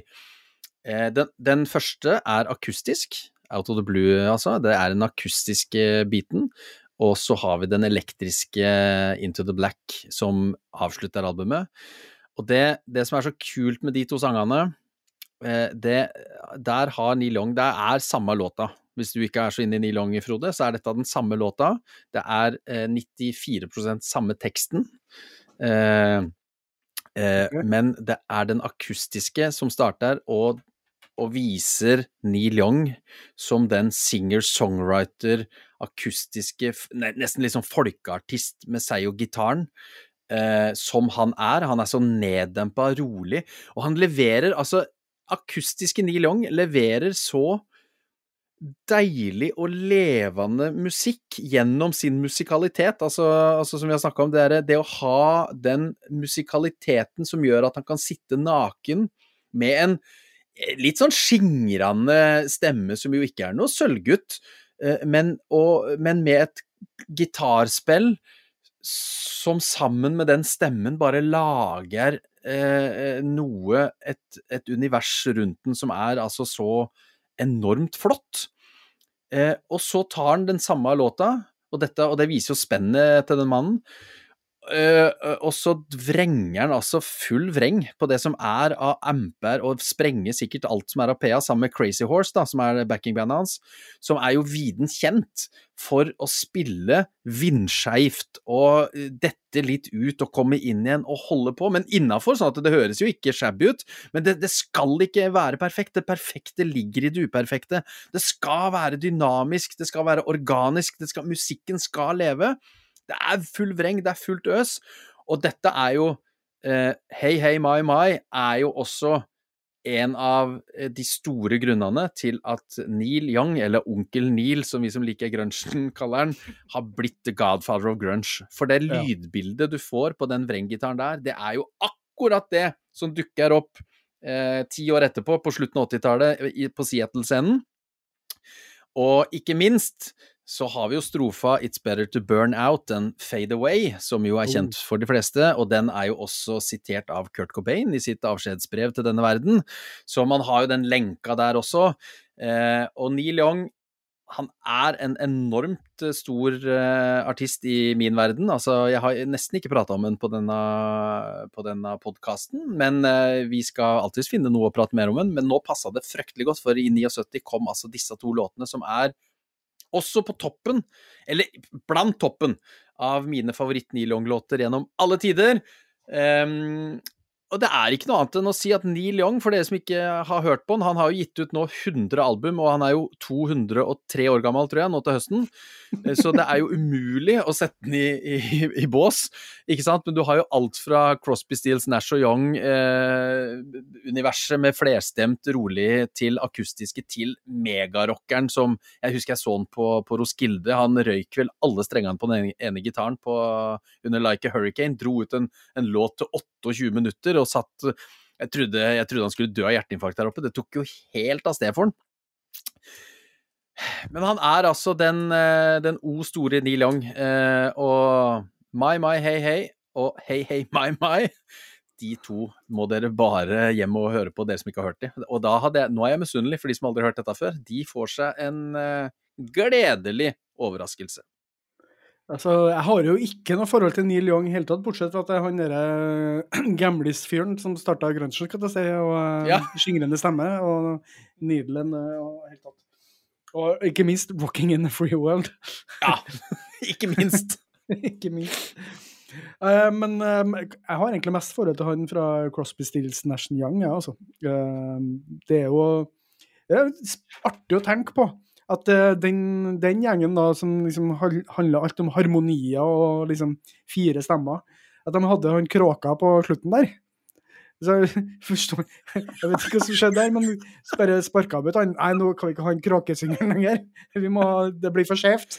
Jeg, altså, jeg må jo jeg må innrømme at jeg, jeg, altså den derre Med all respekt. Ja, ja, ja, ja, ja, men akkurat den historikken rundt de tinga der skal jeg ikke si noe på, men, men de ble jo plutselig Crosby, Stills, Nash, ja. Eller om de var Ja. det først, og så hang de på Young, eller hva som skjedde, jeg har ikke men, men det er jo så gøy, altså Neil Young. eh, Jeg må bare ta det, eh, for skal, jeg, jeg skal snakke ned Bob Dylan nok seinere. For Bob Dylan er en fantastisk eh, Vi skal ikke glemme hva Bob Dylan har gjort for musikkhistorien. Men det var vel på Jeg, jeg er ganske sikker på at det var på samme året på Roskilde, så var både Neil Young og Bob Dylan. Der Bob Dylan kommer ut, han sier ikke hei, han står her som en jækla naut omtrent. Han, han kunne liksom bare sitte bak scenen og spille, for han gjorde ingenting av seg. Og synger som en kråke og gir ingenting. Han gir absolutt ingenting. Det er, det, er, det er null. Det ga meg, det ga meg null. Så når jeg hadde muligheten til å gå på Bob Dylan-konsert seinere, så droppa jeg det, og så gikk jeg på Happy Mondays, noen heroinister fra Manchester som sto og hoppa rundt inni i telt isteden. Som jeg aldri hadde hørt på. Eh, og der sto vel også eh, Håkon Mosleth og så på. Og jeg tror for, for så vidt at Håkon Mosleth også hadde skrevet den Bob Dylan-anmeldelsen i Dagbladet dagen etterpå, så jeg er litt usikker på Det er Dagbladet for dere, folkens. Men det høres uansett. riktig ut. Dagbladet på den tida der.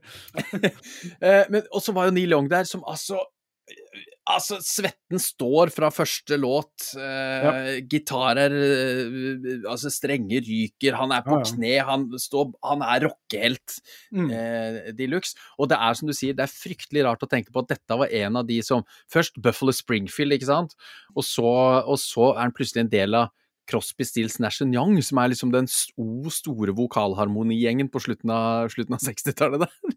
Det er jo helt sykt. Ja, Og så blir han, og så blir han gudfaren til grunchen. Altså det, det er jo det er nesten litt sånn eh, Nesten litt sånn Forest Gump-karriere. Han, han bare alt, alt han gjør, blir bare blir noe. Han er jo en fascinerende fyr, også med um, tanke på Han finnes jo ikke på Spotify, han er på Tidal. Eh, Ja, han er jo eh, veldig motstander av diverse lydbilder på Altså, det handler om lyden. Det handler ikke om at, eh, at han syns han får for lite penger fra Spotify, for at han syns lyden er for dårlig her, mens Tidal eh, har akseptabel lyd. Ja, og så var han så sinna Han var veldig så sinna. På den podkasten. Eh, ja, hva det var det igjen? Ja, det var den der, den podkasten som han mente fremma så mye sånne fake news-tankegang til han oh, ja. derre gamle? MMA Ja, ja, ja, ja, ja. Mm. Han ble så sinna på det. Men ja. Tidal leverer jo bedre lyd, det er dagens reklame. ok. Men du, jeg syns det var en fantastisk overgang nemlig til min nummer én. Nå, begge toene har eh, de minst kjente låtene, tror jeg, på topp. Eh, og eh, jeg, har snakka så vidt om den låta her tidligere, nemlig. Eh, og jeg er veldig veldig glad for at jeg kan dra den fram i dag. Jeg snakker om Gene Clark, 'Some Misunderstanding'. Jeg snakka om Clark i episode 11 i sesong 1 på de ultimate høstlåtene, da du snakka om Midnight Choir. For uh, han er jo for meg det opplagte vokale forbildet til Paul Flåta i Midnight Choir. Um, og her kommer linken til det du snakka om. For Clark, uh, Gene Clark var jo en av dem som starta velkjente The Birds på 60-tallet. Og var the main man på låtskrivinga den første tida. Hvem andre som var med i The Birds? Jo, det var Roger McQueen, og så var det David Crosby. I Crosby, Ja! Stills, Nash Young. Det er et eh, nettverk. Du avslører det her, eh, Frode, men det er jo litt gøy, det. Eh, Og jeg må bare skyte inn når du først var inne på det. Jeg gikk jo rett hjem og hørte på Gene Clark, for det ga du meg beskjed om, at det må du, som er så glad. Å, du verden, du har helt rett. Gene Clark og Paul Flåta, det er, det er samme person, tror jeg, faktisk. egentlig. Ja, det, det tror jeg òg. Det må ha skjedd et eller annet der. Um, historikken Gene Clark slutta i The Birds i 66 pga. angst. Han isolerte seg mer og mer. Eh, men låta her, den er for meg så inderlig. Den er så vond og syngbar på en gang. Eh, og så er det først og fremst snakk om For at det, når jeg kjøpte den CD-en her, da, um, så var det en sånn med alternative takes med på den. Eh, Og eh, den originalversjonen er fin, den, men det var den alternative versjonen som jeg falt for ordentlig. Eh, og den fins på deluxe-versjonen som versjon nummer tre. Så det er versjon nummer tre, så den kommer jeg til å legge i spillelista. Uh, og, uh, og det fins òg en versjon én, som er der du synker enda dypere ned i mørket. Den går saktere. Den er nok noe for deg, Lars. Den virkelig går ned i liksom, helt ned.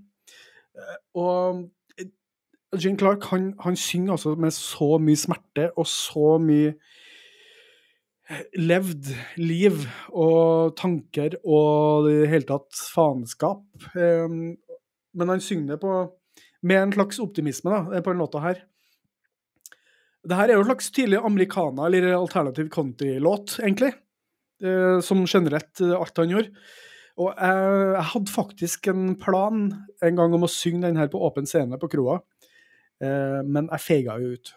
Fordi jeg tror jeg ville ha maltraktert den, for den, han synger den altså så, så bra. Uansett så er en låta en av mine favorittlåter ever. Nok en gang.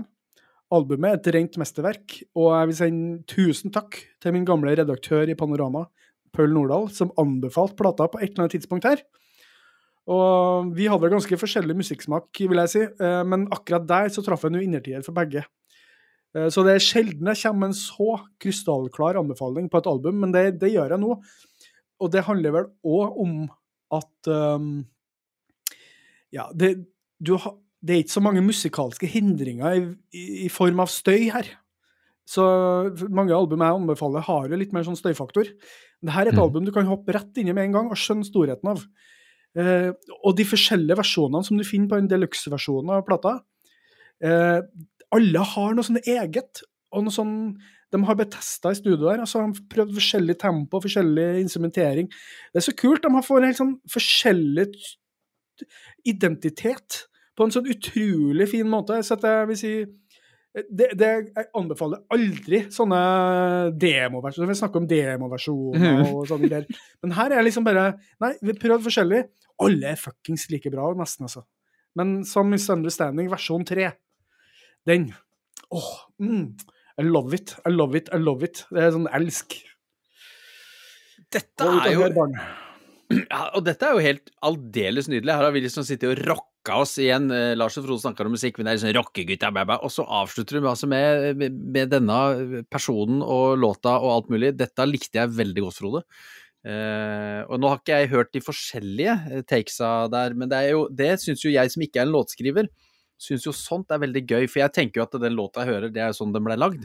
Men det viser seg jo ofte at det er jo ikke i det hele tatt. Det var en skisse som ble liggende, og så prøvde de det, funka ikke helt, funka ikke helt, og så der var den. Der var den. Og hvordan en låt som det ferdige produktet avviker fra alt det andre. Og der har jo, eh, når vi er inne på det der, Michael Krohn, altså Raga Rockers Michael Krohn, han har jo nå de siste åra eh, gitt ut nye versjoner av sine gamle låter, eh, uten sammenligning for øvrig, altså, der du også får et innblikk i det hvordan Faen, jeg var ikke helt fornøyd med den 1982-innspillinga, ikke sant? Og så, og så har han bare lagd en sånn 2020-versjon, og det er så kult, syns jeg, da.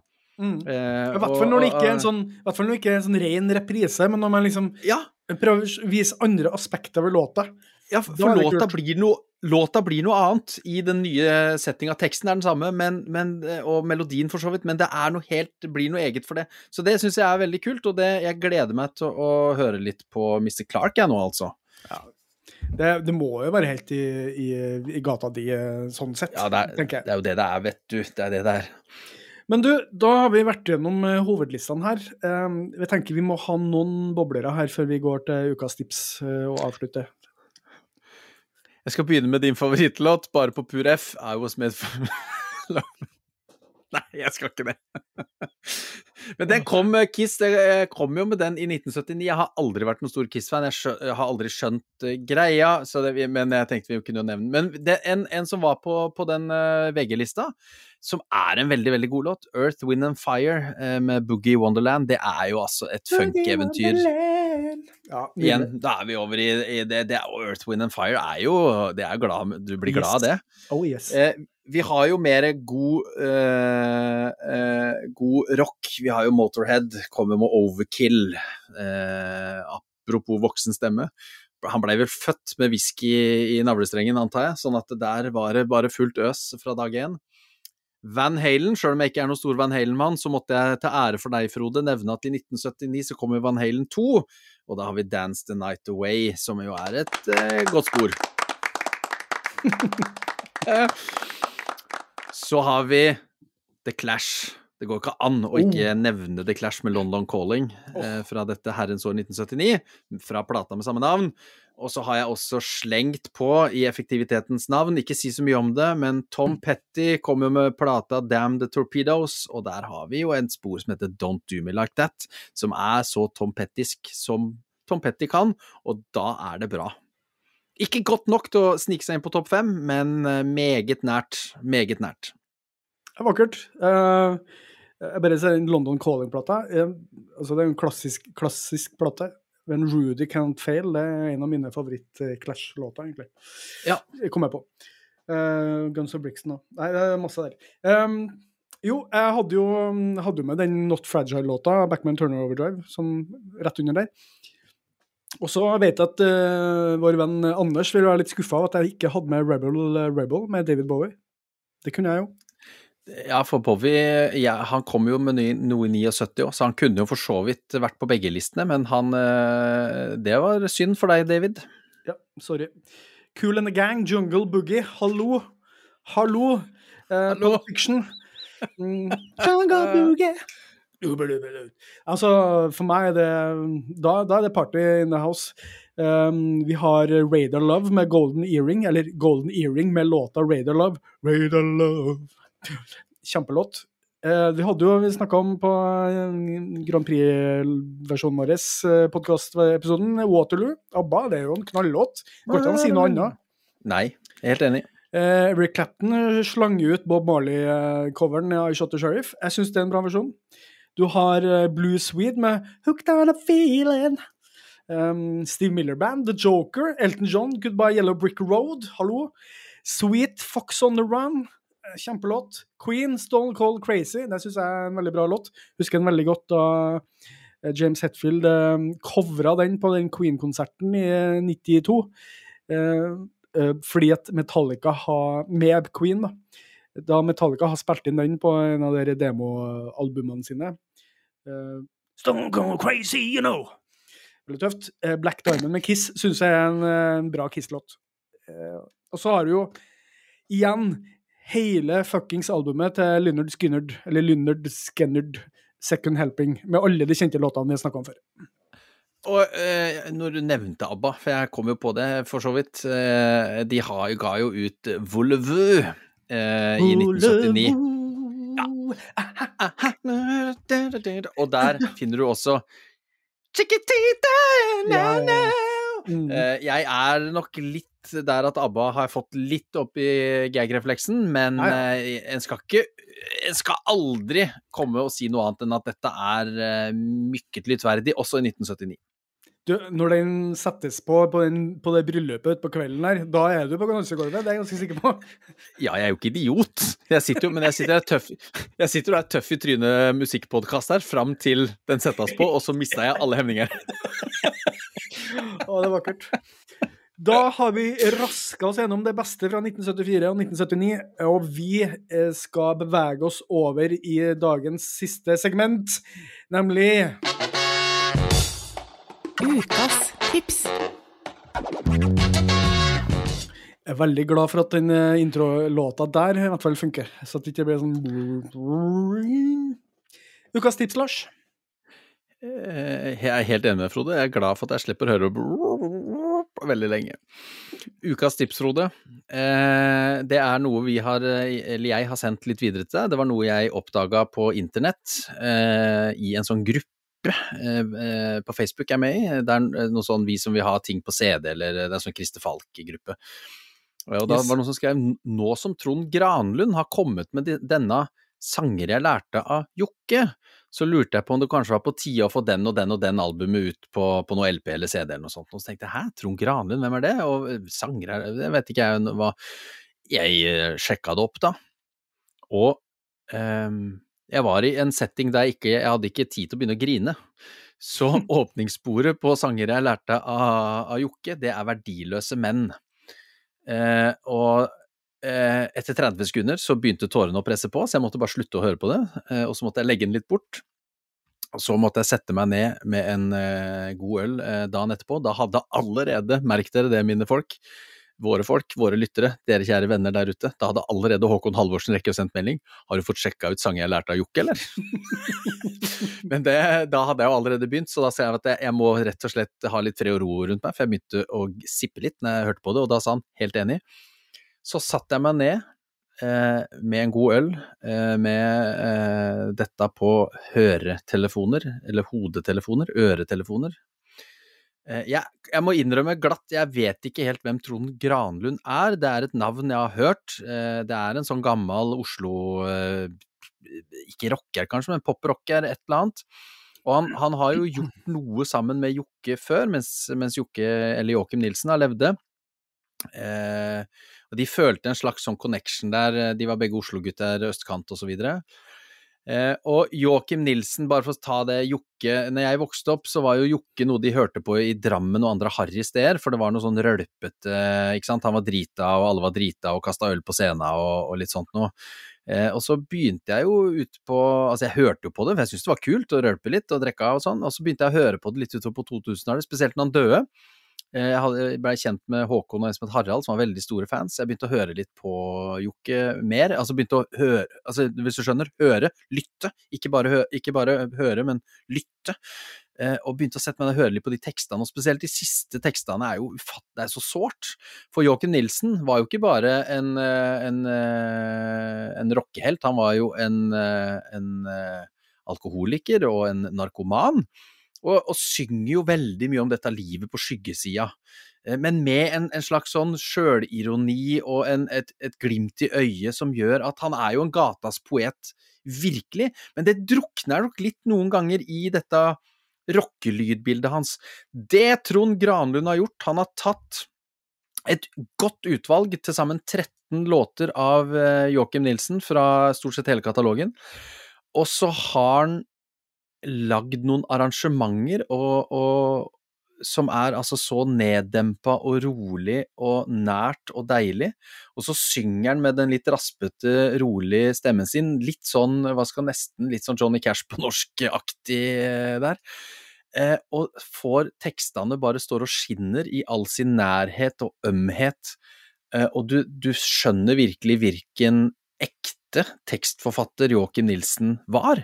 Altså hvilke enorme tekster den mannen skrev, og vi har ofte sagt at vi bryr oss ikke alltid så mye om teksten, og det står jeg for ennå, men akkurat i, i Joakim Nilsens tilfelle, de, de historiene han forteller, presentert over eh, Trond Granlund sine enormt eh, flotte, passende, neddempa arrangementer, er for meg eh, hvis, hvis vi kommer til eh, desember, Frode, og jeg ikke prater om denne på årets beste album, da skal det komme mye bra, for dette har, dette har rørt meg langt inn i hjerterota.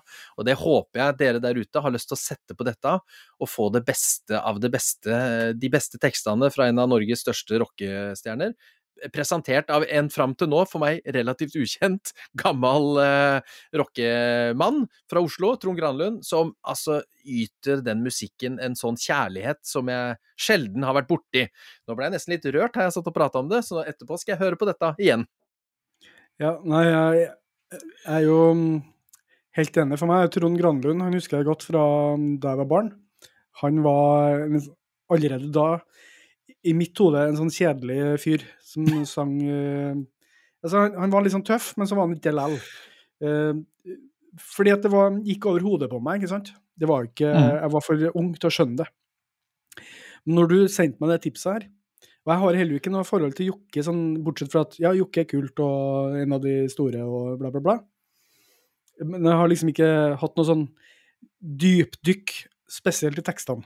Men det som skjedde når jeg satt på bussen og satte på, øh, den første låt, 'Verdiløse menn', kommer på først der, Mm. ble sånn Å, faen!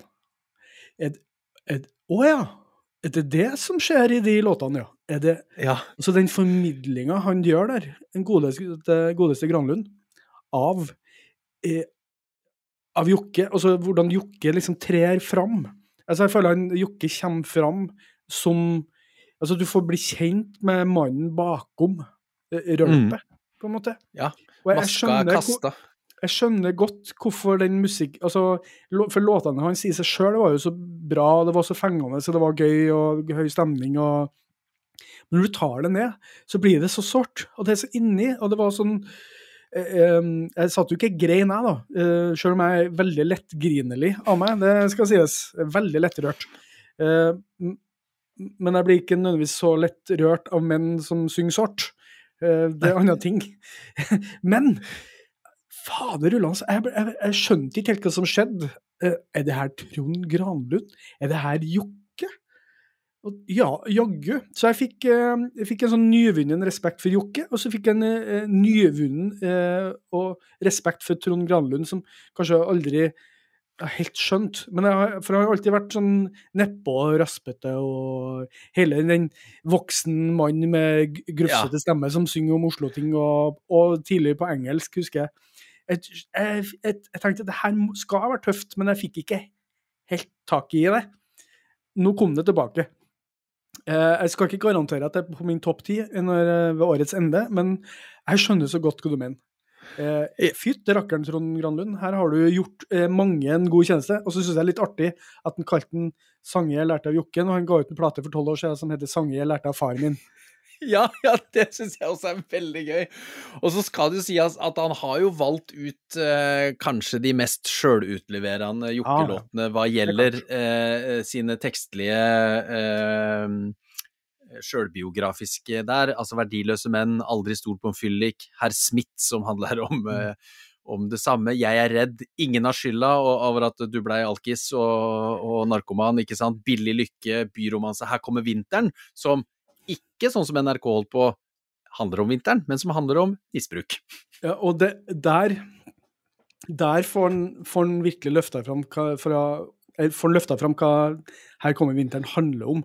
Eh, Jeg visste at den ikke, jeg visste at den ikke handla om at hvor bra vinteren var, men jeg har liksom aldri liksom, det har aldri falt helt på plass i hodet mitt. Men når jeg hørte den versjonen her, så bare sånn Å, faen. Oi, oi, oi. Shit. Og du sa noe fint før, eh, før vi starta på record om den versjonen til Ingrid Olava. Eh, kan du ikke si hva du sa? Du Jo, for, for jeg syns jo Her kommer vinteren-versjonen til Ingrid Olava på piano er fin, men hun gjør den på en måte eh, eh, som eh, gjør at du skal føle at eh, å, dette er litt sånn sårt og, og, og vakkert, ikke sant? Altså det, hun legger Uten at det blir sånn helt ekte, men så kommer Mm. det blir litt sånn Granlund. patos. Ja, litt sånn patos. At du, du får den derre svulmeriet av den Mm. patosen som ligger i Ingrid Olava og piano. Mm. Eh, og så kommer Trond Granlund og tar det bare helt ned. Og lar bare sangen, melodien, teksten fortelle historien helt sjæl. Og da vokser den jo til virkelig nye høyder, altså. Og det er jo det, det mesterlige grepet Trond Granlund gjør her. De, de, de arrangementene, den måten han synger det på. Han har endra litt noen steder, du kjenner ikke alltid igjen introen. Og, å ja, det var den, ja! Men du verden, det yter altså musikken og tekstene en så eh, respekt og så kjærlighet, og løfter det, som du sier, Frode, til nye høyder. Så dette er en eh, god intro til alle som har lyst til å lære noe om eh, Jokke og Trond Granlund. For jeg skal jo sjekke ut Trond Granlund mer, selvfølgelig. Ja. Aldri hørt på fyren, gleder meg. Nei, Trond Granlund, formidlingsevne som eh, Det viser hvor viktig formidlingsevne er, rett og slett. Supert eh, tips, Lars. Vi er ferdige for i dag, vi. Vi har eh, ja, i hvert fall én episode igjen av årets sesong. Kanskje et par til, jeg vet ikke. Vi har ikke helt diskutert det. Så, men vi kommer tilbake. Vi har ikke helt, vet ikke helt tema på neste episode ennå. Men vi høres igjen om to uker, Lars. Vi høres igjen om to uker, Frode.